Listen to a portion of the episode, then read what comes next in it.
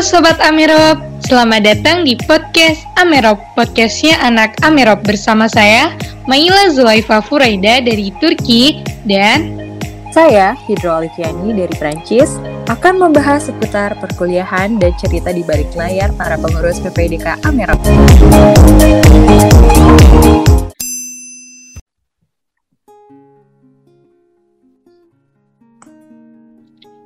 Halo, berjumpa lagi dengan kami di podcast Amerop, podcastnya PPIDK Amerop, anak Amerop. Nah, berjumpa lagi dengan saya, Hidro Oliviani dari Prancis, dan host yang kedua adalah saya, Maila Zulaifa Fraida dari Turki. Sekarang di episode yang ke-11 ini kita kedatangan tamu spesial nih dari Rusia dan dari Turki. Langsung aja kali ya Maila. Langsung aja nih. Kita tanya ke pihak yang bersangkutan. Ya, kita mulai dulu dari Mas Ami. Hmm, ngomong-ngomong tentang Mas Ami, boleh diceritakan dulu seputar latar belakangnya dan perkenalan diri. diri. Ya, halo Mbak Hendra. Halo Mbak Mulia. Halo Kak. Salam kenal semuanya. Halo para pendengar uh, podcast Amiro. Perkenalkan, nama saya Abi Maulana saat ini sedang menempuh pendidikan S3 di Volgograd State University Rusia di jurusan filsafat antropologi. Salam kenal semuanya. Salam, Salam kenal Mas Ami, filsafat antropologi. Dan boleh tahu juga Mas Ami kan uh, kita udah tahu nih uh, tentang filsafat maksudnya jurusan yang Mas Ami lagi uh, ambil nih sekarang. Namun kita belum tahu nih latar belakang Mas Ami di Indonesia bagaimana dan sekarang lagi ada di kota mana di luarnya gitu-gitu. Mas Ami, silahkan. Oke, saya kebetulan berasal dari kota Malang ya ya teman-teman pernah pergi ke Kota Malang ya. Eh, kebetulan saya eh, pernah juga mengajar di perguruan tinggi, namun saya banyak aktivitas saya eh, habiskan di dunia pendidikan, ya menjadi eh, tenaga pengajar. Namun eh, saat ini eh, setelah saya menyelesaikan pendidikan master saya di Surabaya di jurusan politik, perlu kami saya melanjutkan pendidikan saya di Rusia di jurusan uh, antropologi. Ya mungkin teman-teman pasti kaget ya, kok nggak linear ya. Nah, tapi itulah uh, memang ketertarikan saya. Saya ingin uh, belajar banyak ilmu-ilmu yang tidak mau saya terjebak dalam dunia tas.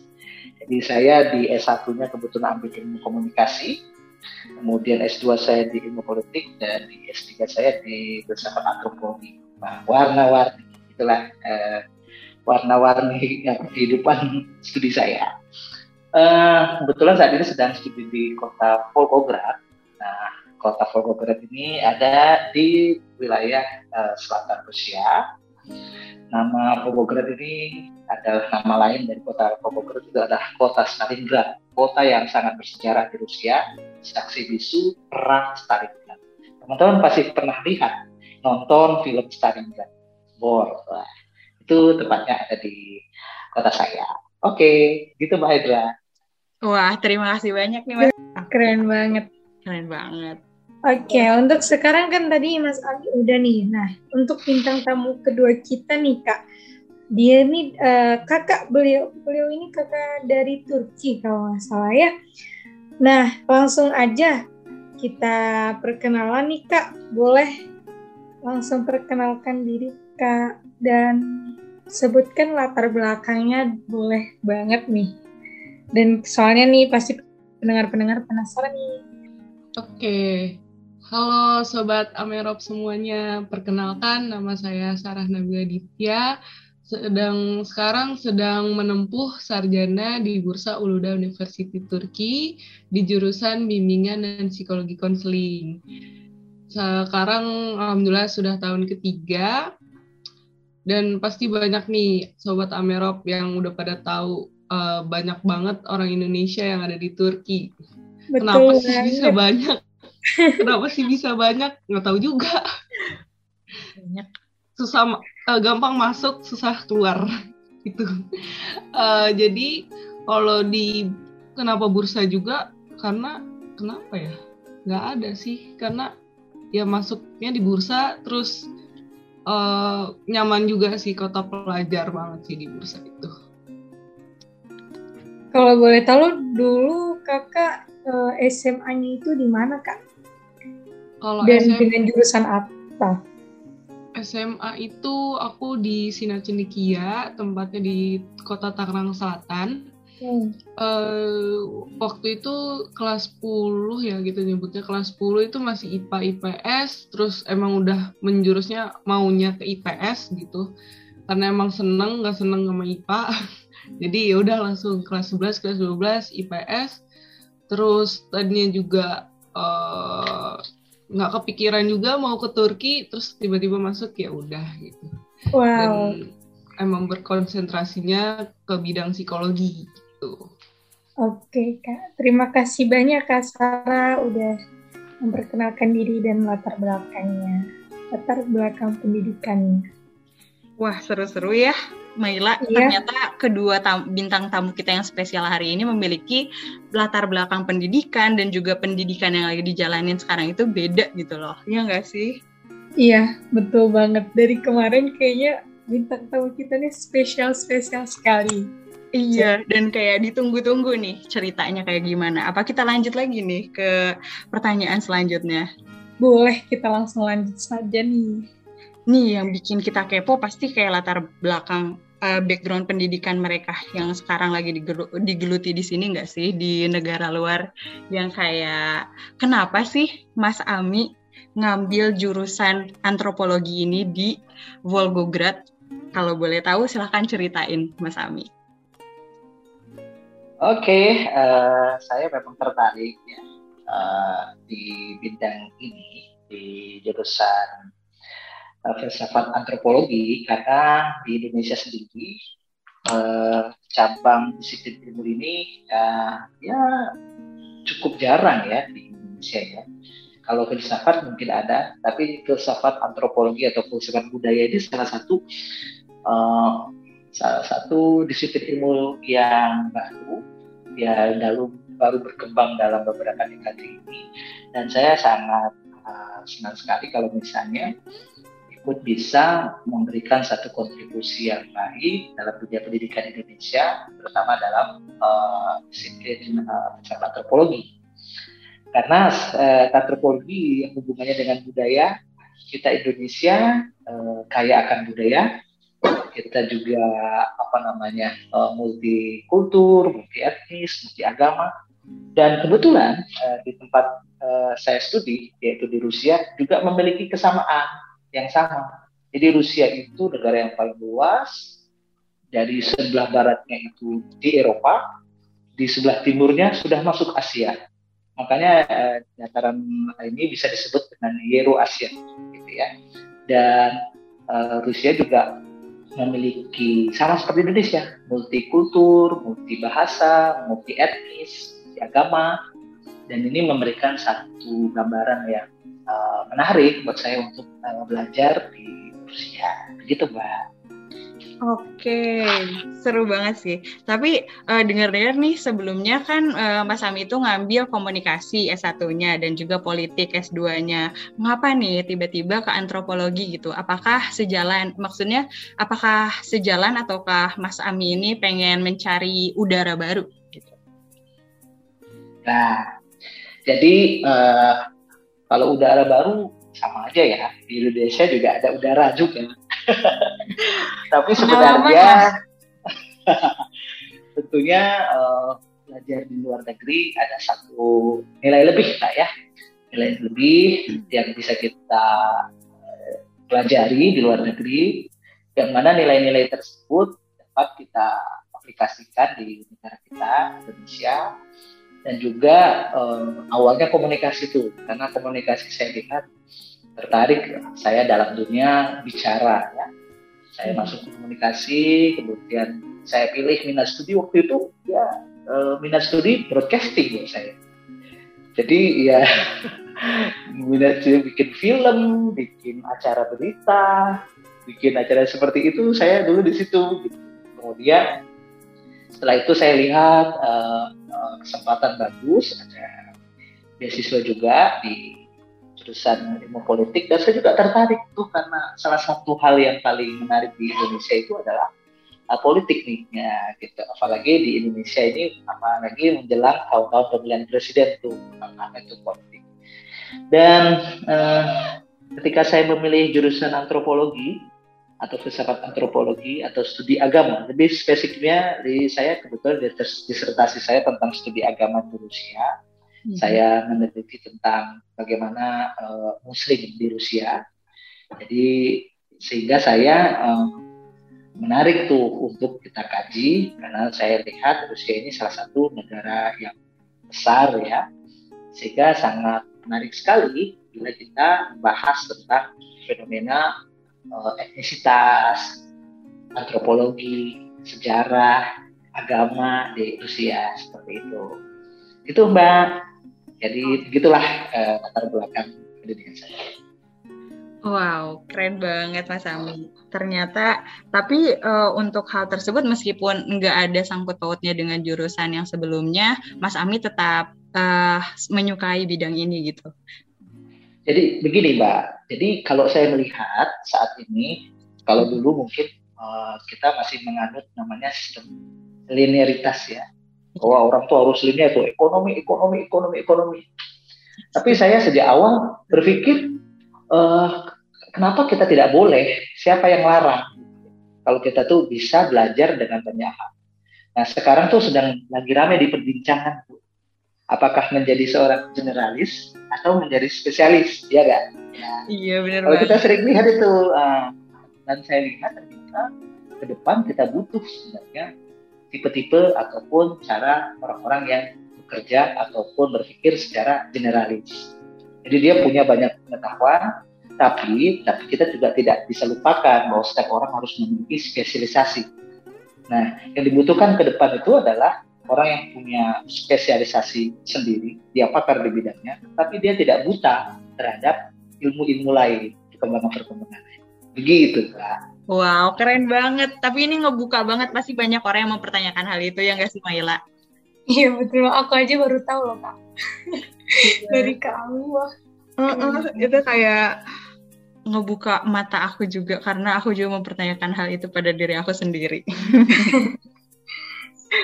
Oke, untuk selanjutnya Mas Ami, aku juga pengen tahu nih kenapa Mas Ami ngambil negara tersebut sebagai tujuan studi Mas Ami. Ya, tadi yang seperti saya sampaikan, tadi mata Rusia ini termasuk hmm, negara besar, uh, memiliki banyak apa namanya sumber-sumber ilmu pengetahuan. Mungkin teman-teman masih ingat uh, kita belajar dari Rusia ini banyak hal, ada teknologi, ada belajar tentang sastra, kita belajar juga uh, apa namanya tentang bahasa dan sebagainya, sejarah dan sebagainya. Uh, Rusia memiliki satu keistimewaan, uh, mereka memiliki apa namanya sumber ilmu pengetahuan. Mungkin teman-teman di Indonesia masih ingat ya kalau misalnya kita bicara tentang siapa manusia pertama kali muncul ke bulan Yuri Gagarin ya. Iya. terus kemudian siapa yang menciptakan kalau anak IPA ya? Tabel tabel apa? Periodik.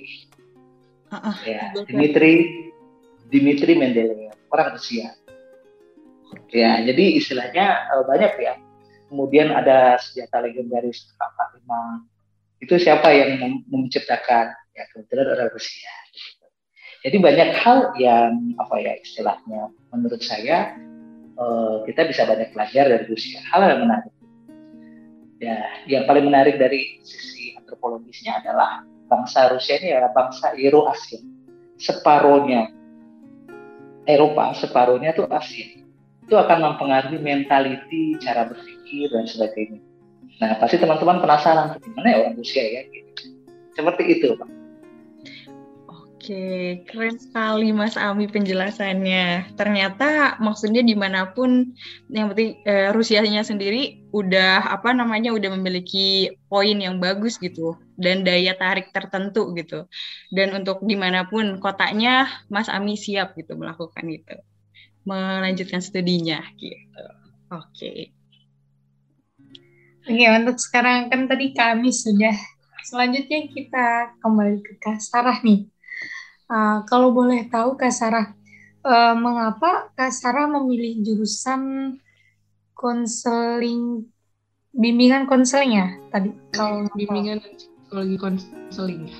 Nah, iya itu. Kenapa kakak memilih jurusan tersebut? Dan mengapa juga kakak tertarik di jurusan tersebut? Apakah sebelumnya memang sudah kakak pikirkan atau malah emang kakak ingin jurusan itu dan kenapa gitu kak? Kok bisa berpikiran? Nggak kepikiran sih sebenarnya, cuman lebih ke mikir apa ya kira-kira jurusan yang emang minat aku, passion aku gitu. Terus pas dilihat-lihat uh, kalau dari keseharian nih gitu, kok hampir tiap hari ada aja orang temen terdekat gitu yang eh mau cerita dong ini gitu. Tentang kehidupannya tentang masalah-masalah hidupnya entah itu kuliah entah itu uh, tentang keluarganya atau bagaimana gitu. Terus ya nggak tahu ya aku sendiri mm, merasa belum punya ilmu yang cukup untuk merespon dengan baik untuk ilmu yang dengan baik gitu untuk menjelaskan apa ya agar dia lebih uh, tenang atau gimana gitu. Terus tapi kenapa uh, apa surat uh, tiap tiap hari gitu lebih sering gitu. Jadi terus, sering terulang gitu ya kak? Iya sering terulang terus kayak apa karena nyaman atau gimana? Padahal aku sendiri nggak yakin sama kemampuan aku sendiri okay. gitu. Karena aku belum punya ilmunya. Terus pas dilihat-lihat oh kayaknya aku nemu nih gitu. Gimana gimana kalau aku belajar ilmu yang uh, emang keseharian aku buat mencari ilmu itu untuk merespon teman-teman aku gitu.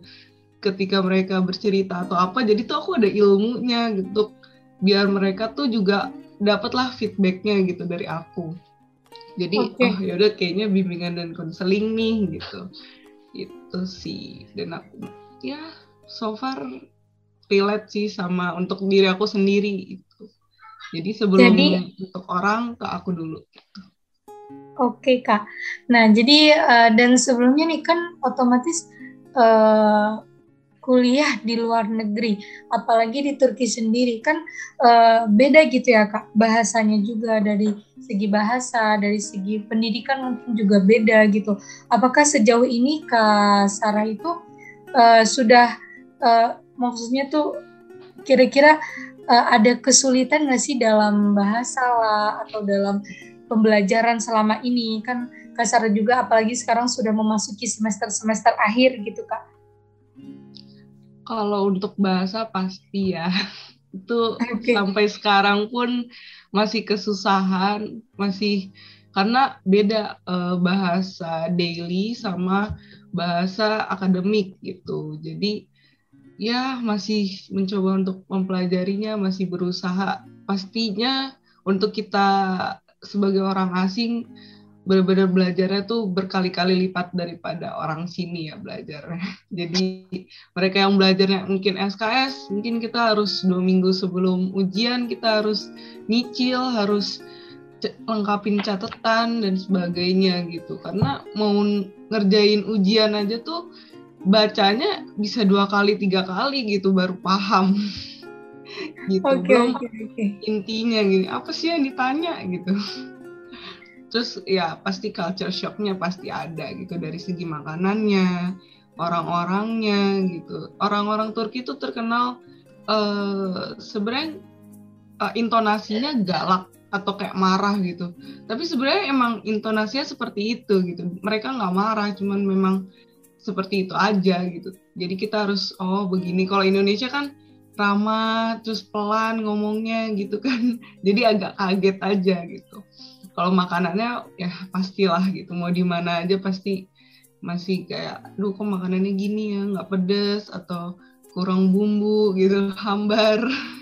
pasti semuanya seperti itu ya. Kalau kan kalau Indonesia kan wah cabenya terus rempah-rempahnya tuh khas banget gitu kan kalau di luar ya betul banget gitu oke okay.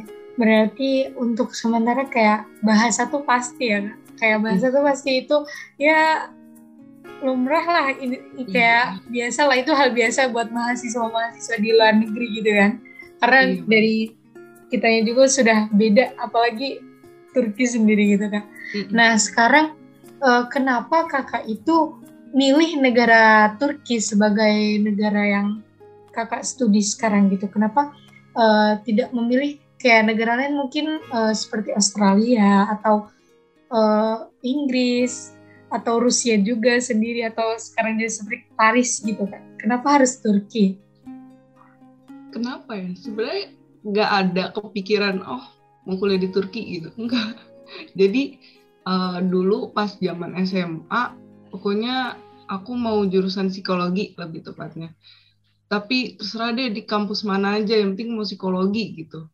Terus yaudah aku coba berbagai jalur terus akhirnya dapat di bursa Uluda University. Kebetulan juga di sekolah aku itu uh, lagi rame aja gitu tentang promosi Turki. Terus kayak ya udahlah coba-coba aja semua jalur semua semua pendaftaran tuh aku coba gitu. Sampai akhirnya di bursa Uluda University ini terus uh, oh kayaknya Turki oke okay juga nih negaranya gitu. Ramah dengan uh, agama Islam, dari segi makanan halalnya, dari segi uh, sejarah Islamnya juga banyak banget di sana, masjid juga gampang dicari gitu. Jadi kayak ya oke okay lah gitu. Terus banyak juga orang Indonesia di sana. Ya boleh deh gitu. Kebetulan juga dulu cita-citanya pingin keluar negeri gitu, tapi nggak mau yang kan kebetulan aku suka traveling ya tapi mikir kayak traveling ngapain sih buang-buang duit gitu kan? Buat apa? Tapi pingin traveling tapi ada tujuannya gitu. Entah itu bekerja entah studi. Tapi nggak tahu negara mana gitu. Terus ya mungkin kejawab gitu. Jadinya di sini.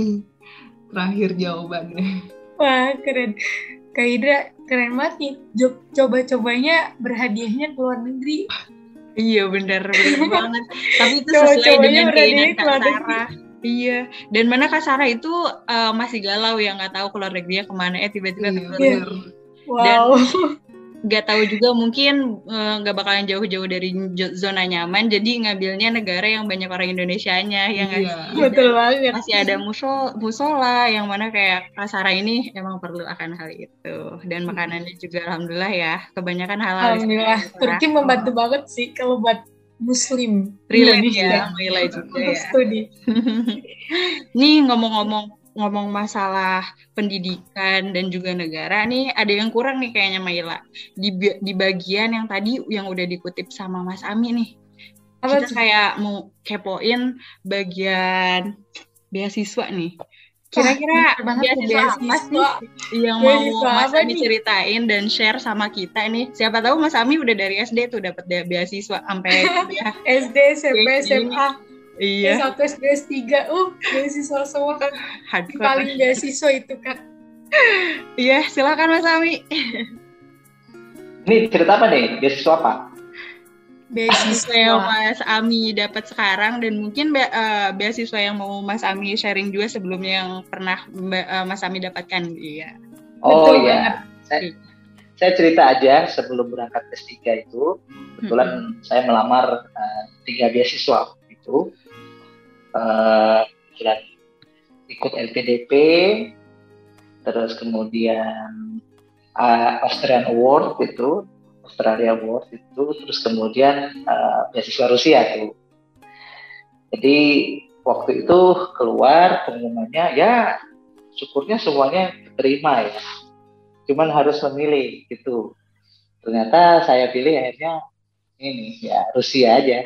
Karena saya lihat kayaknya juga belum banyak orang yang kuliah di Rusia seperti itu nah beasiswa Rusia sendiri uh, beasiswa Rusia sendiri itu dibuka setiap tahunnya. Nah, beasiswa kami ini kebetulan uh, dari pemerintah Federasi Rusia, hampir semua mahasiswa Indonesia yang kuliah di Rusia, uh, mereka adalah uh, awardee uh, beasiswa Rusia. Karena setiap tahunnya pemerintah Rusia memberikan kuota beasiswa pada pemerintah Indonesia. Kalau dulu zaman saya dulu itu 161 orang. Okay. Nah, tapi seleksinya banyak banget, ribuan yang daftar gitu ya. Namun yang bisa terseleksi hanya 161. Namun eh, mulai dari tahun kemarin itu ada kabar baik karena Rusia memberikan kuota tambahan. Jadi sekarang eh, 261 setiap tahunnya mulai dari jenjang S1, S2 sampai S3 begitu. S1, nah, S2 teman-teman Oke. Iya, S1, S2 ada tiga. Uh, itu. Namun uh, beasiswanya ini ya parsial ya, tidak full funded ya. Jadi hanya menyangkut uh, biaya studi saja. Jadi untuk biaya hidup uh, sendiri. Tapi untuk biaya hidup uh, di Rusia ya nggak sama lah seperti di Eropa Barat ya. Kalau Eropa Barat, kalau saya kan pakai euro ya. ya. Pasti agak mahal tuh. Gitu. Uh, kebetulan di Rusia kan pakai di Turki pakai lira. Gitu, ya. Kita beda-beda semuanya. Beda-beda semuanya. Tapi sekarang ini lagi naik ini apa rubelnya lagi naik. Iya. Jadi ya Bagaimana ujian lah buat teman-teman yang kuliah di Indonesia. Itu sih, Mbak. Uh, jadi kalau teman-teman Indonesia yang ada dengar podcast Atarop yang mau daftar nih, ya, mau ikut beasiswa Rusia, nanti pantengin aja tuh di websitenya, ada websitenya nanti uh, kita akan sosialisasi juga tuh di uh, akun media Permira ya, perebutan mahasiswa Indonesia di Rusia, itu ada seperti itu. Nanti, gitu deh mbak. Nanti kita share di captionnya ya Mas Ami. iya. Iya. Dan uh, seru juga ya Mas Ami. Ternyata Mas Ami eh, ketiga beasiswa yang Mas Ami apply, uh, Mas Ami dapat semuanya. Dan Mas Ami ternyata memilih untuk pergi ke Rusia. Oh, wow. Dan kayaknya kepo juga ya setelah Mas Ami memutuskan ke negara Rusia, ekspektasi apa nih yang Mas Ami punya dan sesuai atau tidaknya itu kita kan belum tahu ya. Apa kita kepo ya. ya? Sama kayak kesan selama ini bagaimana nih Mas Ami sejauh ini? Jadi waktu saya kenapa pilih itu ya selain memang kalau teman-teman kalau di Australia udah banyak deh ya kayaknya mahasiswa Indonesia di Australia itu udah banyak sih. Terus kemudian kalau LPDP-nya kebetulan waktu itu saya ambil di Indonesia ya. LPDP-nya S3 di Indonesia. Tapi kenapa kalau sampai di Rusia yang akhirnya uh, worth it lah ya, itu adalah uh, merasakan uh, hidup uh, yang sangat uh, berbeda dengan waktu kita di Indonesia yang pertama cuaca ekstrim. Nggak pernah ngerasain minus 30 ya. Hidup dengan minus 30 dengan uh, apa namanya cuaca dingin dan sebagainya itu memang ada di Rusia. Uh, bahkan teman-teman Indonesia yang kuliah di kota-kota yang ada di Siberia itu mereka bisa sampai minus 40 ya. Wow. Wow. Ya, itu saya itu masih bisa bertahan. ya itu artinya dengan uh, itu pertama ya. Tantangan dengan cuaca yang sangat sangat ya cuaca itu challenge pertama itu. Kemudian yang kedua adalah uh, bahasa Rusia ya. Karena kebetulan mm, uh, di Rusia ini kebanyakan mereka berbicara bahasa Rusia dan tidak banyak mereka yang uh, berbicara bahasa Inggris seperti itu. Jadi otomatis kita harus bisa bahasa uh, bahasa Rusia. Dan luar biasa saya rasakan di sini. Satu tahun kita sebelum masuk pendidikan formal kita harus belajar bahasa Rusia. Nah, yang paling saya berkesan adalah bagaimana mereka bisa mengajarkan bahasa Rusia selama setahun pada orang asing seperti kita. Itu tanpa menggunakan bahasa Inggris. Jadi mereka menjalankan mengajarkan bahasa Rusia dengan bahasa Rusia. Jadi akhirnya ternyata kita berhasil. Luar biasa menurut saya. Wow. Kebanyakan kan pasti menggunakan bahasa pengantar yang lain kan, tapi mereka tidak melakukannya karena kebetulan mereka juga uh, sangat uh, banyak yang bisa berbahasa Inggris. Uh, kenapa pertanyaannya kenapa mereka tidak bisa berbahasa Inggris? Ya, memang mereka tidak ada apa ya kewajiban untuk belajar bahasa Inggris begitu. karena kan mereka juga apa, bangga mungkin dengan bahasa Rusia yang mereka miliki dan bahasa Rusia juga masuk di dalam enam uh, dari enam bahasa yang diakui PBB. Hmm. Nah, dan digunakan oleh uh, banyak wilayah-wilayah atau negara-negara uh, ex Uni Soviet. Jadi kalau pergi ke Uzbekistan, Tajikistan, Turkmenistan, Kirgistan, itu bahasa Rusia saja bisa hidup. Pindah lagi ke Ukraina, pindah lagi ke Belarusia, ya, tinggal di mana gitu yang dulunya pernah Georgia, Armenia, Azerbaijan. Itu kita tetap bisa hidup karena mereka semua berbahasa masih bisa paham bahasa Rusia. Iya, oke. Okay. Kayak berarti hampir sama kak. Hampir sama ya nah Rusia ini dengan Turki artinya hampir sama dengan bahasa Prancis juga. Yang mana kayak negara-negara uh, di luar Prancis ada pun negara yang menggunakan bahasa Prancis karena ada beberapa negara yang uh, habis atau enggak bekas jajahan Prancis. Mohon maaf yeah. KBBI nanti bisa di bahasa saya yang seadanya. Betul banget karena menghadapi Mas Ami yang banyak banget experience-nya tuh bikin saya ada duk sampai ke mulut duk duk duk. ya Betul banget kayak oh. Iya. Kami sangatlah bahasanya jauh dari kita. iya, jadi eh, berarti cuaca dan bahasa ya Mas Ami yang lebih kayak Mas Ami struggle-nya di sana gitu. Benar. Begitu. Oke, kita lanjut ke Kak Sarah nih kayaknya Maila. Iya, betul Kita lanjut ke Kak Sarah. Oh Kak Sarah, mm-hmm. kalau boleh tahu nih, kan pasti Turki juga tuh menyediakan banyak sekali beasiswa. Nah, Kak Sarah sendiri, kira-kira ada nggak sih Kak uh, cerita Kak Sarah sendiri yang mengenai beasiswa gitu atau atau mungkin Kak Sarah punya kenalan atau segala macam gitu kak. Kalau boleh tahu. Untuk beasiswa sih aku pernah apply tapi hmm, karena mungkin banyak ya peminatnya yang tadi udah aku bilang juga banyak orang Indonesia yang minat ke Turki. Betul. jadi ya tidak tersampaikan ya beasiswanya tapi alhamdulillahnya sih untuk living cost di Turki bisa kebilang lebih murah ya daripada aku misal kuliah di Indonesia gitu.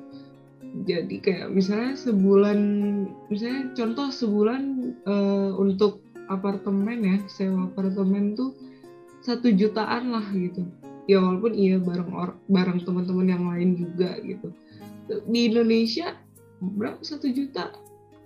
Ya di mana gitu. Ya mungkin di daerah-daerah ya cuman jarang lah kebilang.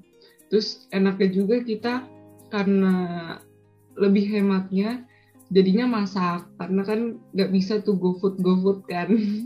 Kalau di Indonesia kan pasti di kosan uh, misalnya dapurnya di luar atau barengan sama yang lain gitu. Kalau ini kan kita dalam satu rumah bisa masak masakan Indonesia bareng sama teman-teman jadi lebih hangat lah gitu. Kalau jadi lebih hemat juga. Betul betul banget betul. Iya masak kan belanja bareng-bareng patungan gitu kan. Kalau di Indonesia GoFood aja udah gitu. Yang cepat yang instan gitu kan. Gitu sih. Oke kan oke sejauh ini juga menurut Kak Sarah kira-kira apa sih kesan Kak Sarah nih tinggal di Turki apalagi sekarang Kak Sarah juga udah lama juga nih Kak. Dan otomatis banyak banget nih pelajar-pelajar Turki juga yang di sini. Kesan-kesan Kak Sarah tuh kira-kira apa ya Kak? Kira-kira Kak Sarah tuh sesuai dengan ekspektasi Kak Sarah nggak sih? Yang sebelumnya pas di Indonesia tuh kan Kak Sarah nggak tahu nih bakal kuliah di mana. Eh tiba-tiba di Turki. Tapi menurut Kasara kesan Kasara misal atau tidaknya atau ekspektasi Kasara selama kuliah di Turki itu seperti apa tuh kak?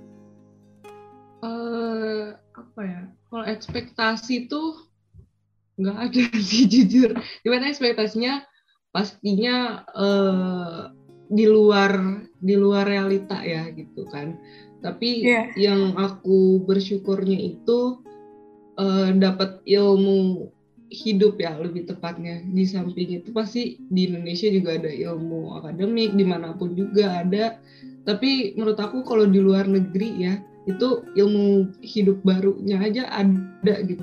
Dan gak bakal deh kayaknya aku dapetin kalau aku di Indonesia gitu kuliahnya.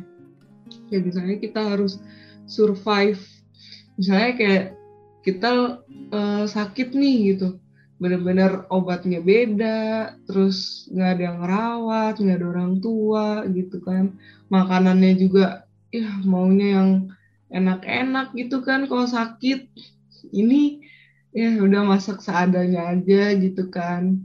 Jadi emang harus kontrol diri sendiri jaga diri itu sih yang paling ininya lebih ke ilmu-ilmu yang ya untuk diri sendiri sih lebih ke efeknya bener-bener manjur dan harus survive gitu mau gimana pun. Kalau nyesel mah hmm, nyesel nggak nyesel sih karena ya itu ada positifnya. Kalau misalnya kayak susah banget sih bahasa Turki gitu tolong. Udah udah berapa tahun di sini masih aja uh, ada kata yang masih belum tahu atau masih gagap atau gimana gitu-gitu sih. Terus sama lebih ke quality time sama keluarga gitu karena jauh kan uh, misalnya pulang setahun sekali mungkin atau bahkan dua tahun sekali atau bahkan ada teman aku yang nggak pulang sama sekali gitu.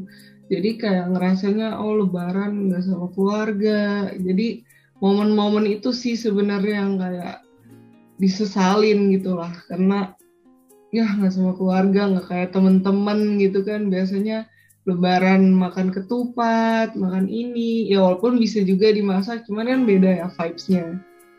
Gitu sih lebih ke uh, keluarga terdekat dan teman-teman gitu. Oke berarti kalau dibilang menyesal juga tidak Kalau dibilang kalau dibilang sesuai dengan yang kita sih juga udah kayak ya udah jalanin aja gitu ya yeah, jalanin aja. Udah ikut aja gimana gimana. Ntarnya yang penting kita mm-hmm. udah survive nih di sini tuh seperti apa gitu ya kak. Iya. Oke. Okay. uh, untuk selanjutnya nih tadi kan kakak udah cerita ke kita tentang perkenalan diri kakak latar belakang latar belakang kakak seperti apa, terus back, background pendidikan kakak juga sudah kakak jelasin, cerita-cerita juga sudah, dan sekarang kita tuh pengen tahu juga uh, pengalaman ber berorganisasi kakak itu selama berkuliah di luar negeri itu apa aja sih kak, selain organisasi PPID Kak Amerok, kira-kira organisasi apa yang kakak ikutin sekarang gitu? Kalau sekarang uh, mungkin yang lampau aja ya karena sekarang tuh memang cuman PPDK Amerop. Karena aku menyusun kayak eh, nggak uh, mau ganggu kuliah juga. Jadi oh tahun ini aku mau ngambil ini. Udah ini aja gitu. Tahun ini mau ngambil ini udah ini aja gitu. Jadi nggak double job atau apa gitu. Karena aku ada kuliah juga kan yang wajib gitu. Jadi kalau untuk yang lampau itu aku pasti pertama kali datang pasti ya maunya yang di lingkup kecil dulu kan. Yang ya, paling dekat dulu yaitu di PPI Bursa gitu. Aku masuk ke dalam divisi sosial budayanya. Di situ ya mirip-mirip seperti bun deh gitu. Yang apa berinteraksi dengan orang-orang orang Turki. Terus ada program uh, seperti Bun juga yaitu Prusa gitu yang terjun ke desa bantu warga di sana di bidang sosial, ekonomi, budaya bahkan ada orang Turki juga yang datang ke sana seperti itu. Ya lebih ke karena aku orangnya suka berinteraksi ya jadi bertemu ya, bersosialisasi gitu sosialisasi ya bertemu orang baru terus ya emang gitu deh anaknya. Terus habis itu ingin nyoba lagi uh, ada salah satu program di PPI Dunia namanya Parama seperti Bun juga. Itu datang ke desa tapi sayangnya waktu itu saat COVID jadi sayang banget itu dibatalkan. Tapi untuk pra acaranya lumayan sih uh, dapat banget gitu dan aku jadi tahu oh jadi kenal lah nambah relasi gitu itu sih yang pingin aku dapetin salah satu misi aku. Jadi oh aku kenal sama uh, eh, PPI Cina, PPI Malaysia gitu. Jadi lebih luas kan cakupannya. Terus di samping itu setelah itu aku mikir kok kayaknya PPI PPI mulu sih gitu. Kayak pingin lah coba sesekali organisasi selain PPI gitu, pingin tahu organisasi di Indonesia gitu. Terus waktu itu aku lihat-lihat oh ada nih uh, pasti pada tahu satu persen. Uh, jadi waktu itu ada satu persen Banten gitu buka rekrutmen uh, eh join ah gitu. Mumpung aku di Banten juga kan join ah coba gitu. Terus aku waktu itu jadi pengurus selama kurang lebih tiga bulan kalau nggak salah selama pandemi juga kan bosen gitu ya. Walaupun secara daring tapi ya minimal nambah relasi lagi. Oh Betul dia banget. sekolahnya kuliah di sini di sini gitu. Jadi kayak oh gitu. Jadi bertukar pengalaman juga. Gimana sih kuliah di Indonesia? Gimana sih kuliah di Turki? Jadi saling bertukar cerita gitulah itu. Terus ya emang gitu sih seru aja gitu ngeliat ketemu teman-teman baru ketemu uh, tahu lah pengalamannya masing-masing gitu. Kayak punya punya ini tersendiri nih kak. Kayak kakak nih kayak punya hobi tersendiri jadinya. Bukan hobi lagi sih kayak kayak ya udah sudah terbiasa gitu ya kak dengan keadaan kayak suka bersosialisasi berinteraksi dengan ya. masyarakat atau segala macam gitu. Karena mungkin karena itu biar aku nggak stres juga kali ya kuliah gitu. Kalau jahatnya bahasanya pelampiasan gitu. Tapi ya ya udah selama itu positif ya nggak sih? Ya udah gitu. Toh yang apa yang aku gelutin juga yang emang sesuai minat aku gitu. Walaupun misalnya dari PPI PPI divisi yang oh divisi emang yang aku minati oh satu persen memang yang tentang uh, jurusanku psikologi. gitu. Ya gitu sih tapi Jadi, pelampiasan ya, Sarah ini bermanfaat sekali biasanya bermanfaat sekali. Iya. Karena bisa bermanfaat buat Kasarah sendiri dan juga bisa bermanfaat buat orang lain, orang sekitar Kasarah mungkin seperti itu. Mm -hmm. Dan sekarang uh, mengapa nih alasan Kasarah sendiri mengikuti beberapa organisasi di saat padatnya jadwal-jadwal kuliah kakak tuh kenapa gitu alasannya? Ya itu sih uh, yang yang tadi aku udah bilang aku melampiaskan stres kuliah aku untuk berorganisasi terus pingin nambah relasi juga karena menurut aku uh, kita tuh nggak harus melulu belajar terus straightforward tuh lulus IPK bagus gitu. Kayaknya boring banget gitu. Ya Jadi, karena dari situ juga kita tidak mempunyai relasi juga ya kayak nah, nantinya kayak itu yang aku pelajari kenalan Mm-mm. Yang aku dengar-dengar juga, bisa uh, ya walaupun nggak nggak terkenal atau nggak ini, tapi kalau relasinya bagus, punya link sana sini, misalnya kayak punya teman, aku punya teman, oh dari PPI Rusia ada Mas Ami, atau dari PPI Prancis ada Mbak Hidra.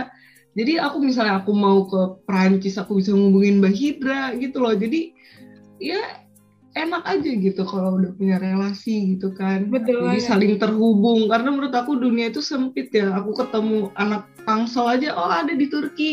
Oh anak Tangerang ada di Turki gitu. Ya ampun jauh-jauh ke Turki ketemu anak Tangerang lagi. Gitu. Jadi ya udah sebenarnya kecil dunia tuh. Cuman ya udah nambah relasinya aja sih. Itu sih yang terpenting dalam organisasi juga Iya, uh, network sih penting banget menurut aku selain uh, akademik itu. Jadi kayak menghindari stres dan juga networking itu memang penting. Dan ini kayak kita tuh kayak ngedenger perbedaan itu ya di setiap aku ketika ngobrol sama Mas Ami kayak gimana, terus aku juga ngelihat Mbak Sarah merespon Maila kayak gimana.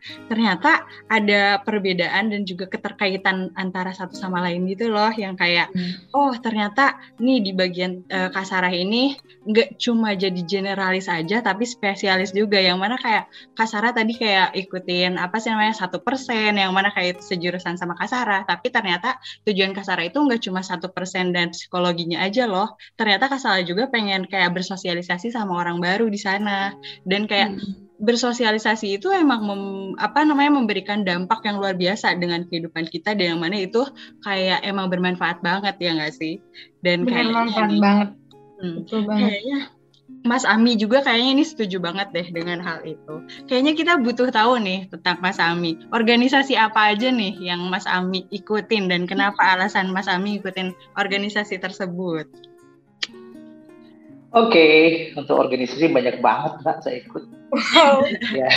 Di paling organisasi nih Mas Ami nih. Ya, jadi istilahnya uh, sejak sejak apa ya SMA dan sejak waktu sekolahan memang aktif berorganisasi gitu karena jadi kayaknya hari-hari memang tidak lepas dari organisasi. Jadi saya apa aja saya ikuti mbak.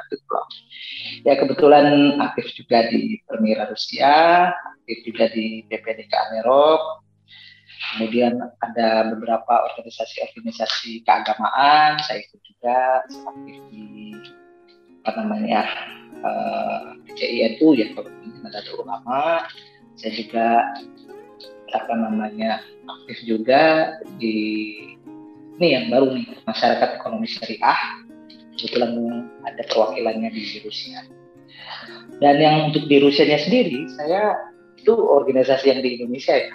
Kebetulan yang di Rusianya sendiri saya aktif di pusat studi Nusantara Dagestan kebetulan di Rusia ini ada uh, pusat studi Nusantara di mana memberikan pengetahuan kepada orang-orang Rusia tentang apa yang ada di Indonesia dan wilayah-wilayah yang ada di Nusantara. Ada Malaysia, Indonesia, Thailand, dan sebagainya.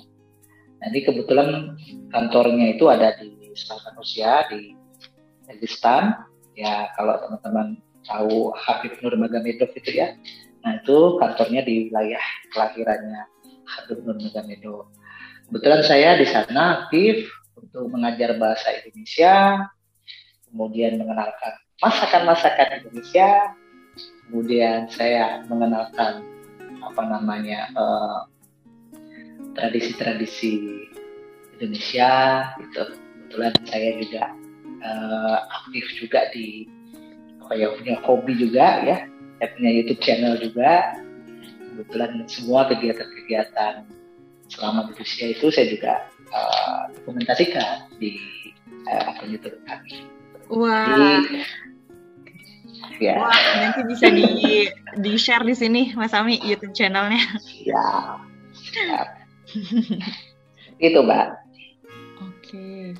Keren banget ya Mas Ami. E, ternyata e, banyak sekali organisasi yang mana kayak berbau Islami kayak keagamaan tapi tidak lupa juga dengan uh, is, uh, yang mana organisasi pusat studi Nusantara ya namanya yang ada di ya, ini. Yang mana kayak Iya dan selalu saja Mas Ami itu kayak ingin berpartisipasi untuk uh, memberikan manfaat atau enggak dampak buat orang lain atau enggak kayak bertukar informasi. Yaitu seperti memperkenalkan tradisional Indonesia ke negara Rusia misalnya seperti itu. Ya, terakhir terakhir itu uh, bulan Mei kemarin, ya. bulan kita uh, membantu uh, teman-teman dari Indonesia yang ikut di dalam lomba. Ada lomba musabaqah tahfidz Al-Qur'an di Rusia. Okay. Dari Indonesia, kebetulan kita saya sebagai ofisialnya mm-hmm. kita bantu untuk mendampingi selama di Rusia dan alhamdulillah ternyata kita juara satu Indonesia dari Indonesia jadi istilahnya ternyata memang uh, uh, banyak sekali uh, apa namanya sebenarnya prestasi-prestasi dari anak-anak Indonesia yang bisa ditorehkan di luar negeri sebenarnya. Nah, ini juga kita pasti di Turki pasti akan banyak lagi tuh kompetisi-kompetisi serupa. Dan juga ada kegiatan-kegiatan seperti festival budaya dan sebagainya itu uh, kita uh, bikin di, di Indonesia seperti itu. Ngomong-ngomong tentang semua organisasi yang Mas Ami ikuti, uh, tujuan Mas Ami ikutan organisasi tersebut apa sih Mas? Kayaknya Mas Ami kayak ya. menggebu-gebu untuk berpartisipasi, kayak memberikan manfaat atau menunjukkan bahwa Indonesia juga bermanfaat seperti itu. Eh Indonesia ya. juga memiliki jiwa-jiwa yang lebih gitu, yang harus dipresentasikan gitu ya. Ya satu cuma sederhana karena sebagai Muslim yang baik saya meyakini satu uh, ajaran yaitu silaturahim. Oh. Itu saja. Makin sering kita silaturahmi, makin mudah hidup kita, makin mudah rezekinya. Begitu, Mbak. Keren banget. Ternyata jawabannya itu kayak yang mengejutkan ya, beda dengan singkat silaturahim. Tapi itu kayak silaturahim itu memang penting gitu. Wah. Iya, Kasarah juga tadi silaturahim dengan semua orang yang ada di seluruh negara maupun yang ada di Indonesia dengan satu persen. Oke, mungkin ke pertanyaan selanjutnya ya, Maila. Oke. Hmm, untuk Kasara lagi nih Kak, kita kembali lagi nih ke Kasara. Karena bidang tamunya ada dua ya Kak itu ya. iya. Ganti-gantian. Oke, untuk Kasara sendiri, uh, selama karir di PPD Amerok itu, Kasara itu uh, jabatannya sebagai apa sih Kak? Jadi kan kita juga pengen tahu nih uh, durasi bergabungnya juga kakak di PPD Kamerop itu dari kapan dan jabatan sekarang serta uh, bagaimana sih kak tugas-tugas yang sekarang kakak sedang jalankan di PPD Kamerop sendiri? Boleh dijelaskan kak Sarah? Oke, jadi uh, di PPD Kamerop ini aku diamanahkan sebagai direktur uh, di direktur direktur direktorat uh, bakti untuk negeri. Uh, untuk sekarang kita sudah ini ya lengser ya, udah uh, periodenya selama setahun dari 2021 sampai 2022 dan uh, Bun sendiri uh, apa hanya melakukan satu menjalankan satu program yaitu melanjut uh, Mayari ke Timur yang berkolaborasi dengan PMP Jerman. Jadi Mayari ke Timur sendiri ini seperti ya bakti untuk negeri gitu. Jadi untuk membantu beberapa desa, uh, desa salah satu desa di Indonesia uh, yang yang kita pilih itu di Papua yang sebenarnya sudah dilaksanakan uh, direncanakan pada tahun lalu tapi karena COVID ya jadi uh, dibatalkan dan tahun ini insya Allah mau dilanjutkan lagi walaupun secara hybrid itu jadi ya semoga terlaksana juga dan niat baiknya juga tersampaikan dan kita akan membangun des mem, ya sedikitlah membantu Eh, kebutuhan-kebutuhan desa di bidang ekonomi, budaya, sosial, dan sebagainya seperti itu. Oke, terima kasih Kak Sarah penjelasannya sebelumnya. Dan sekarang uh, alasan Kak Sarah sendiri uh, mengapa Kak Sarah itu uh, bergabung ke PPD Amirot Kak? Karena itu tadi sih mau nyoba aja. mau nyoba uh, ya mungkin ya kan udah PP ini udah PP bursa udah oh coba nih ada PPDK Amerop gitu terus ingin tahu juga siapa ya ketemu siapa ya kira-kira di sana gitu. Oh ternyata ketemu yang dari Rusia Prancis terus apa Jerman terus ternyata aku juga ketemu sama teman SMA aku di Jerman. Wah. Oh, itu satu aku ini apa namanya satu direktorat juga sama aku teman SMA jadi ya jadi keep kontak lagi terus nanya kabar nanya gimana kuliah dan sebagainya jadi terhubung lagi gitu kan ter karena sama-sama di PPDK Amerop gitu. Jadi lagi-lagi tentang relasi ya kak. Iya.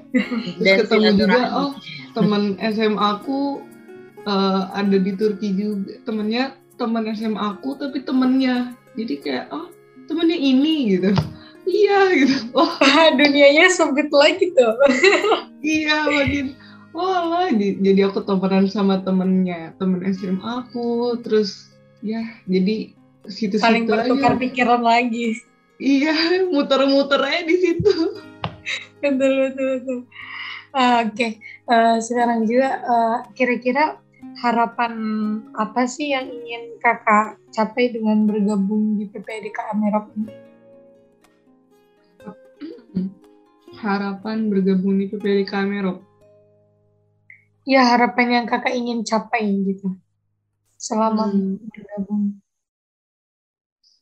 Uh, lebih pingin ini aja sih bermanfaat uh, untuk semuanya gitu dan pingin uh, apa ya lebih mengenal dapat ilmu baru aja deh pokoknya ingin tahu aja gitu karena aku yakin belum cukup deh ilmu aku kalau aku di situ-situ aja gitu.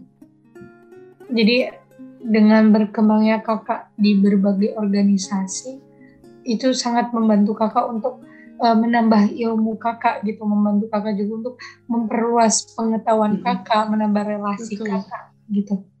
Iya. Oke. Okay. Betul sekali. Boleh kan Kak Hidra sekarang kita lanjut ke Kak Amin. Pasti Kak Amin itu juga banyak banget nih tentang iya. pesan-pesannya juga harapan ke PPD Kamirov sendiri apalagi kami ini kayaknya senior banget di PPD Kamirov nih kak Iya kami ini kayaknya lebih itu juga tapi tadi setelah kita nggak dengar kayak kenapa Kak Sarah uh, ngambil uh, eh, PPDKM Merop dan juga kayak semua tujuan yang dia dan ekspektasi yang dia lalui itu kayak enggak sangat mengejutkan gitu loh. Dan ternyata di balik jabatannya sendiri, ternyata dia itu uh, berkolaborasi dengan temennya. Jadi kayak silaturahmi lah itu gitu loh. Iya betul banget kayak ya betul apa kata Kak Ami juga yang tadi kayak menambah silaturahmi juga gitu kayak cuma relasi yang dulunya yang dulunya lost contact tiba-tiba ketemu lagi nih jadi kayak reuni gitu kan ya betul banget iya dan akhirnya dengan sebuah cerita yang baru. Iya. Hmm. Oke, okay, sekarang kita tanya langsung ya ke Mas Ami kayak karirnya di PPIDK Amerop nih. Ada apa sih dan bagaimana? Ngomong-ngomong tentang itu nih Mas Ami, uh, saya pengen tahu nih Mas Ami kayak durasi bergabung di PPIDK Amerop untuk Mas Ami sendiri dan kayak jabatan dan juga eh, deskripsiin dong Mas Ami kayak ja, uh, di jabatan Mas Ami atau enggak di departemen yang Mas Ami ambil ini uh, apa aja sih yang ada program kerjanya dan lain sebagainya. Terima kasih Mas Ami. Iya, terima kasih. Ya, saya bergabung di PPDK Merop ya sama sih baru tahun ini ya. Uh, kebetulan diamanahkan menjadi direktur Direktorat Kreatif Amerika Eropa atau KE yang mana direktorat kami ini memiliki satu program besar yaitu melaksanakan mensukseskan acara simposium Amerika Eropa yang kita beri nama Segala itu ya yang dilaksanakan tanggal 25 sampai tanggal 26 uh, Juni kemarin sudah terlaksana. Kebetulan tuan rumahnya adalah Rusia dan Portugal. Jadi acaranya itu kita mensukseskan museum tersebut mulai dari pelaksanaannya sampai juga kajian-kajiannya. Di mana kajian tersebut uh, kita berikan kepada pemerintah sebagai salah satu sumbangsi PPDK Amerop ikut membangun bangsa. Seperti itu, Mbak. Oke, keren sekali Mas Ami. Jadi kayak uh, dari kayak tersebut uh, Mas Ami itu ada satu program kerja yang mana itu jadi satu uh, program yang besar gitu loh di di program PPID Amir tersendiri ya Mas Ami. Dan ternyata Mas Ami itu baru tahun pertama nih pertama kali Mas Ami gabung dengan PPDK Amerop. Kayaknya ini bakalan dilanjut ya sampai ke tahun berikutnya ya Mas Ami. Karena wah Mas Ami uh, daya kerjanya itu luar biasa ternyata untuk PPDK Amerop. Wah sangat memberikan da, uh, sumbangsih yang luar biasa gitu loh Mas Ami. Ya tidak seperti itu juga. ini semua saya dan juga uh, kesuksesan ataupun program-program yang bisa dilaksanakan selama ini tidak bisa terlepas dari semua bantuan dari teman-teman yang kebetulan satu direktorat dengan saya ya dari macam-macam negara tuh ada Turki, ada UK, ada Premier Amerika juga, gitu. ada Prancis, ada Austria, dan ini kerja bersama sebenarnya. Jadi kesuksesannya kesuksesan bersama. Walaupun nanti uh, ini apa namanya uh, tenaga dan pikirannya masih dibutuhkan di periode yang akan datang, saya siap untuk membantu. Nah, seperti itu, Mbak. Oke, jadi nanti mohon didengarkan para uh, para koordinator yang mencalonkan di PPDK Merop. Mas Ami siap jika dibutuhkan.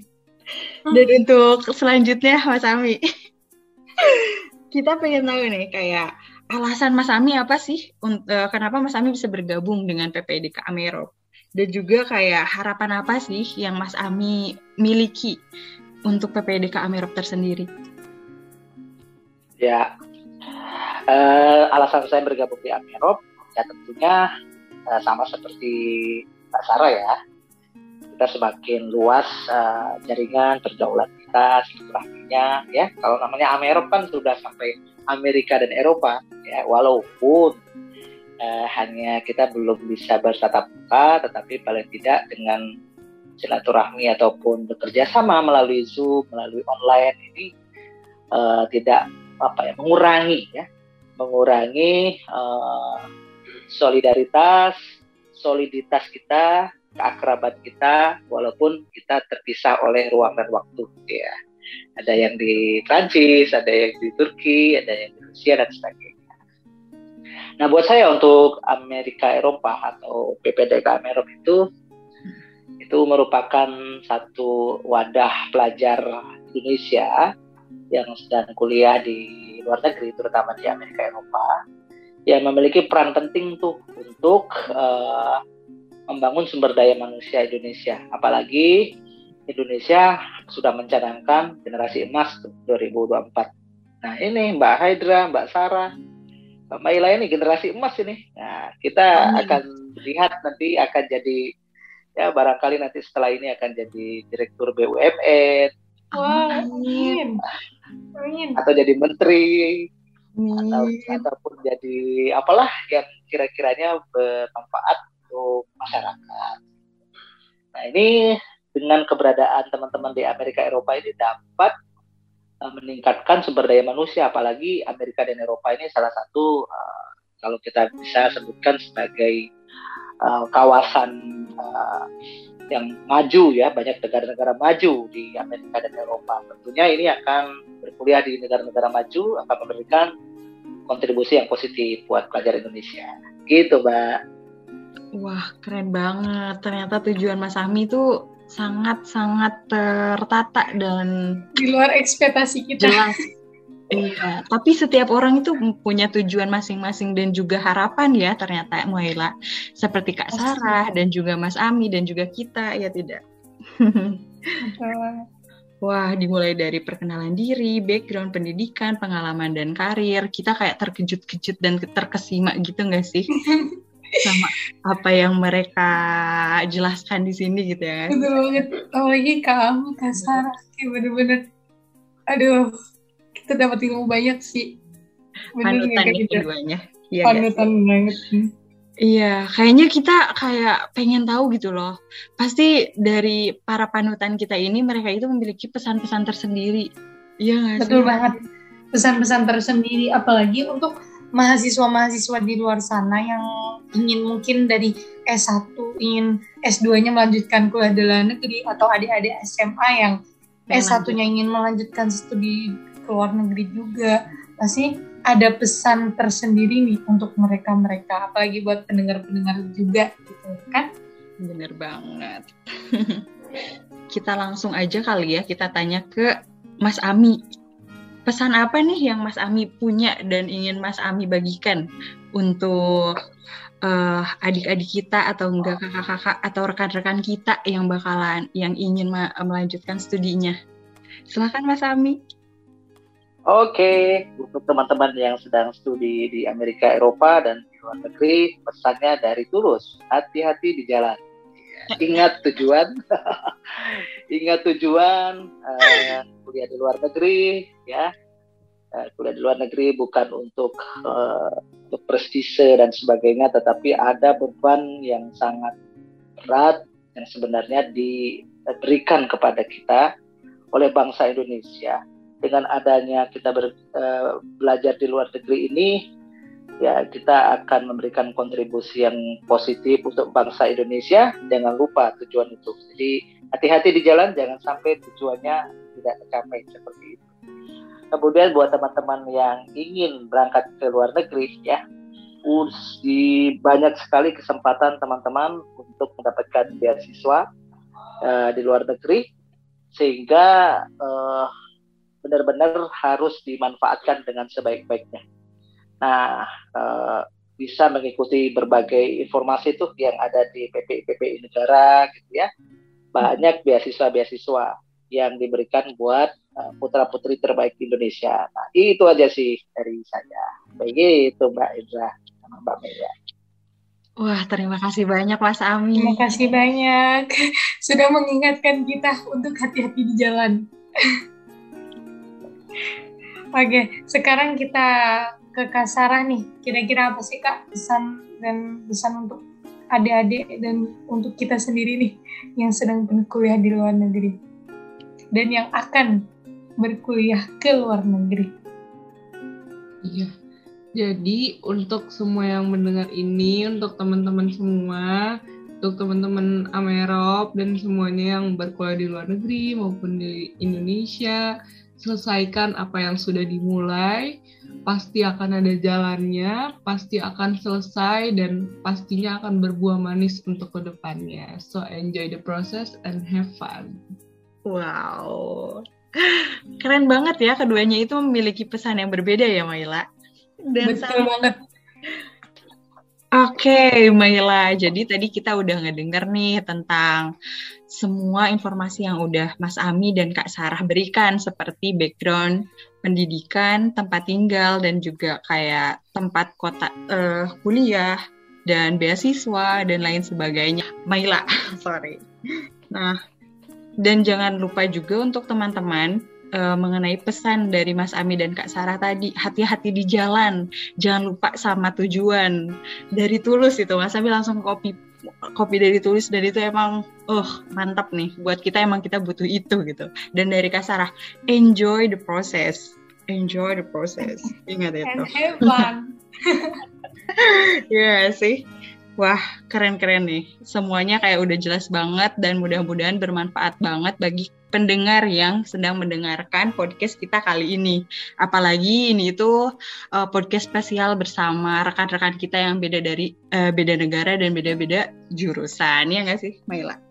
Betul banget. Dan semuanya terima kasih banget buat Kak Sarah, uh, Mas Ami yang telah meluangkan waktunya di era kesibukannya mungkin dan di era uh, sekarang sedang uh, hari libur ya saya apa Kak Sarah dan Mas Ami ini bisa meluangkan waktunya buat para pendengar-pendengar sekalian.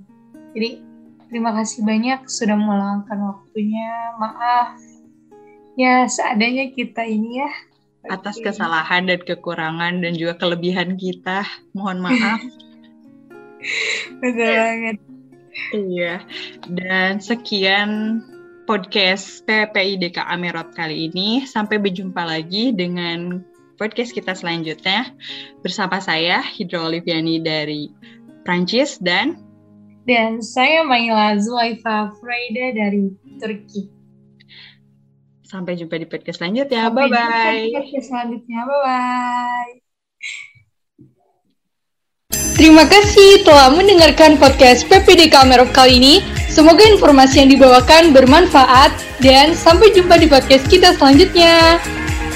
Jangan lupa untuk follow podcast ini ya. Bye.